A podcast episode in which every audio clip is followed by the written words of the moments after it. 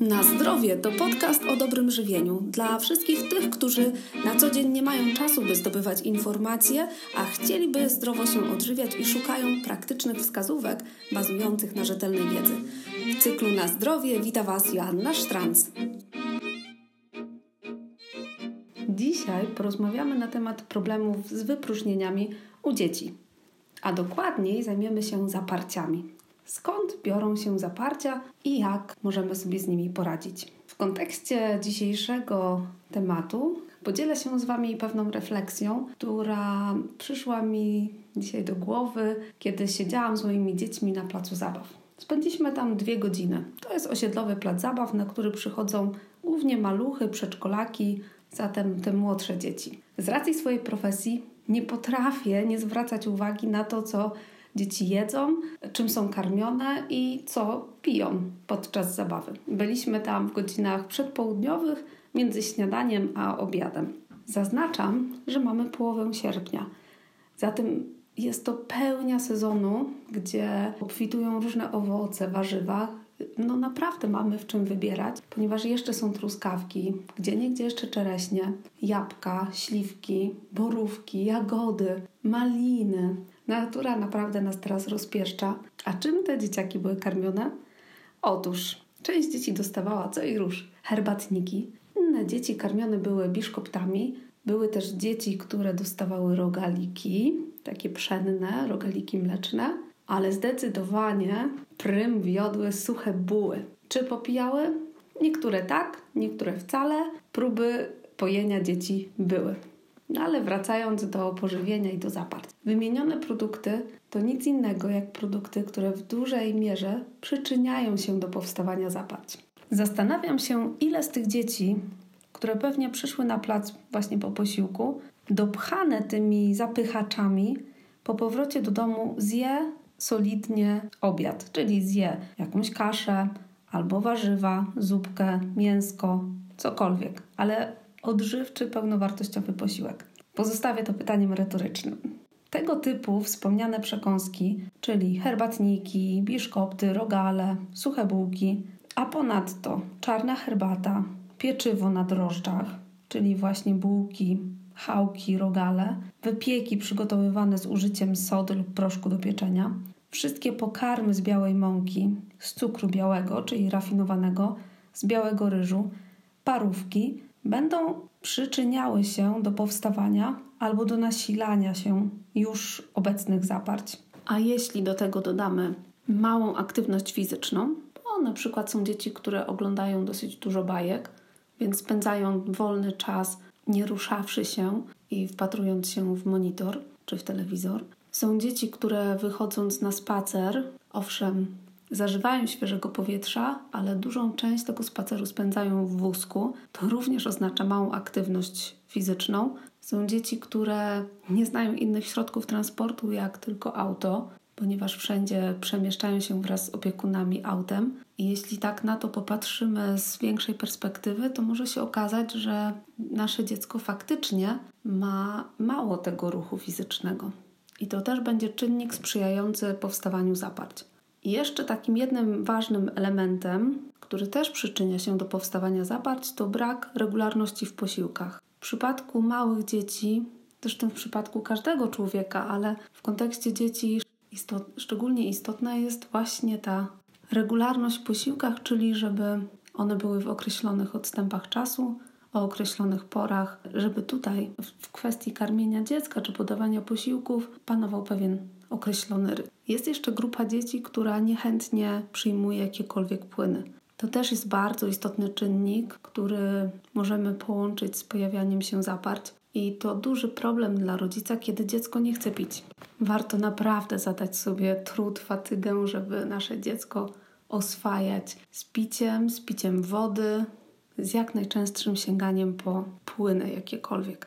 Jeśli zaparcia są już faktem i męczą Twoje dziecko, to trzeba działać jak najszybciej i przede wszystkim skutecznie. Ale jak? Otóż codziennie powinnaś podawać swojemu dziecku pokarmy, które będą nawilżały jego jelita. Do takich produktów zalicza się m.in. siemię lniane. Zawiera ono bardzo dużo błonnika, ale oprócz tego zawiera też takie substancje śluzowe, które będą pomagały w wypróżnieniach. Nie warto kupować już zmielonego siemienia lnianego, ponieważ jego wartość odżywcza jest zdecydowanie niższa niż e, siemienia, które kupujemy w całych ziarnach. I siemię lniane najlepiej mielić bezpośrednio przed wykorzystaniem i jakieś takie małe porcje wówczas, czyli nie mielimy go na zapas. Siemię lniane możemy dodawać do jakichś wypieków, do sałatek, możemy nim posypać jogurt czy owsiankę. Można też e, zaparzać siemię lniane, czyli jak łyżkę siemienia lnianego zalać szklanką wrzątku, czy ogólnie szklanką wody, pogotować przez 2-3 minuty,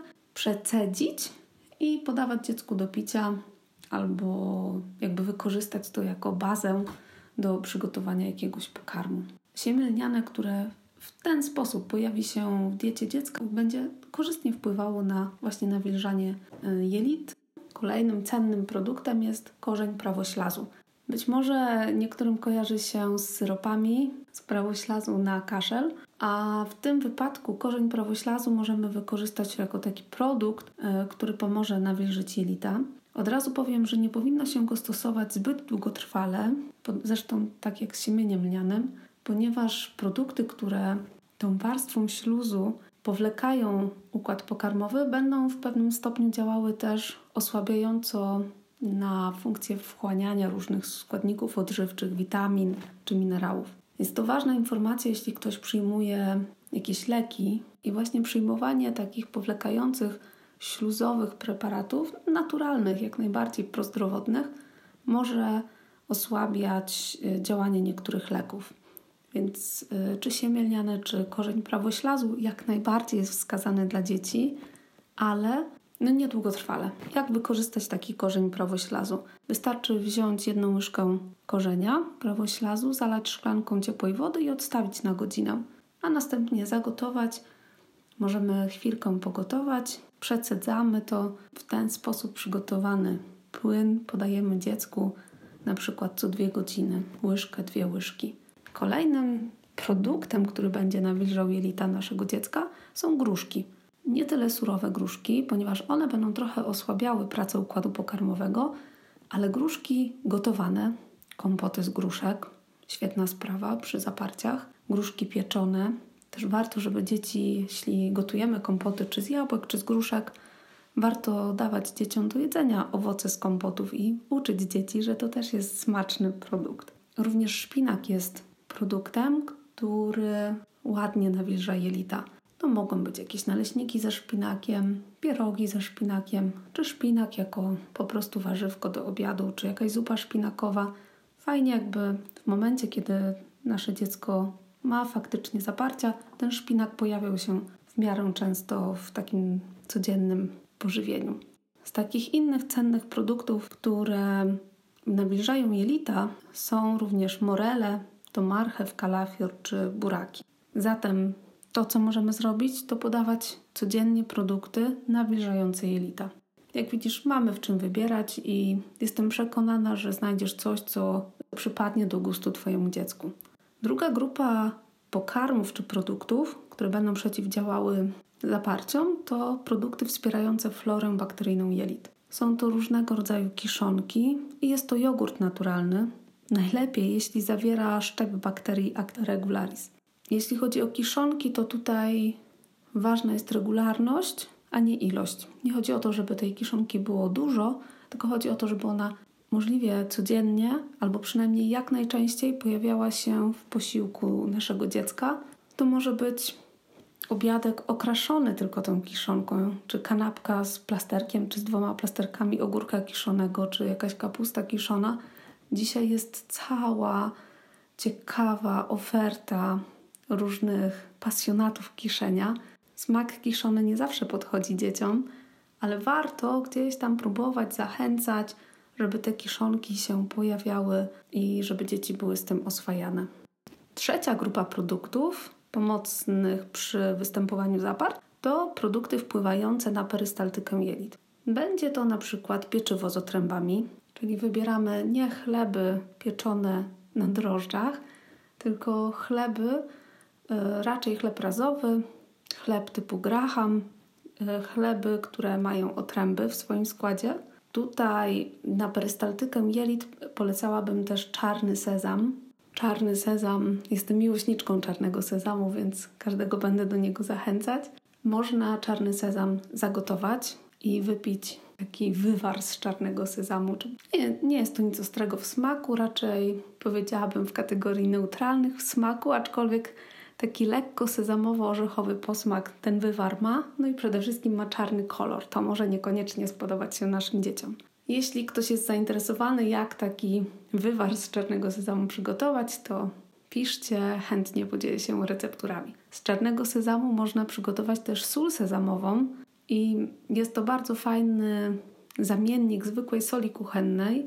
Jest to taka powiedzmy sól czy posypka o słonawym, słonawo-sezamowo-orzechowym posmaku, którą możemy posypać różne sałatki, kanapki, zupy.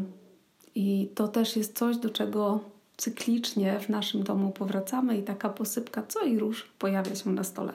Jeśli nasze dziecko ma już taki nawyk, że coś tam stale podjada, to może zaproponujmy orzeszki pini. One również będą tutaj korzystnie działały w walce z zaparciami. Podsumowując, jeśli nasze dziecko ma zaparcia, to nie ma co czekać, tylko musimy zadbać, żeby w takim codziennym żywieniu pojawiły się produkty nawilżające jelita, pojawiły się produkty wspierające florę bakteryjną jelit i produkty, które będą wspierały perystaltykę jelit. Oprócz tego zadbajmy o odpowiednie nawodnienie, zachęcajmy dzieci, oswajajmy. To jest szalenie istotne, żeby dzieci od małego uczyć picia, najlepiej czystej wody, żeby wyrabiać ten odruch sięgania po, po wodę, po, po picie.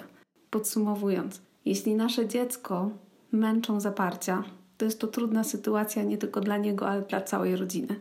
Dlatego musimy szybko i skutecznie zadziałać. Jako rodzic, to co możesz zrobić, to zadbać, żeby w codziennej diecie pojawiły się produkty nawilżające jelita, żeby pojawiły się produkty wzmacniające florę bakteryjną jelit i produkty wpływające na perystaltykę jelit, o których mówiliśmy. Jadłospis Twojego dziecka powinien być bogaty w warzywa i w wyroby pełnoziarniste. I to, co szalenie ważne, powinieneś zadbać o to, aby Twoje dziecko przyjmowało odpowiednią ilość płynów, też odpowiednia jakość tych płynów jest ważna i żeby miało dostateczną dawkę ruchu, najlepiej na świeżym powietrzu, śmiechu, bo śmiech to zdrowie i też bardzo fajnie tutaj wtedy usprawnia nam taka dobra dawka śmiechu, też bardzo korzystnie wpływa na pracę jelit. Powodzenia! Jeśli masz jakiekolwiek pytania, pisz, odzywaj się na Facebooku, szukaj Joanna Sztranc. Jestem do Twojej dyspozycji.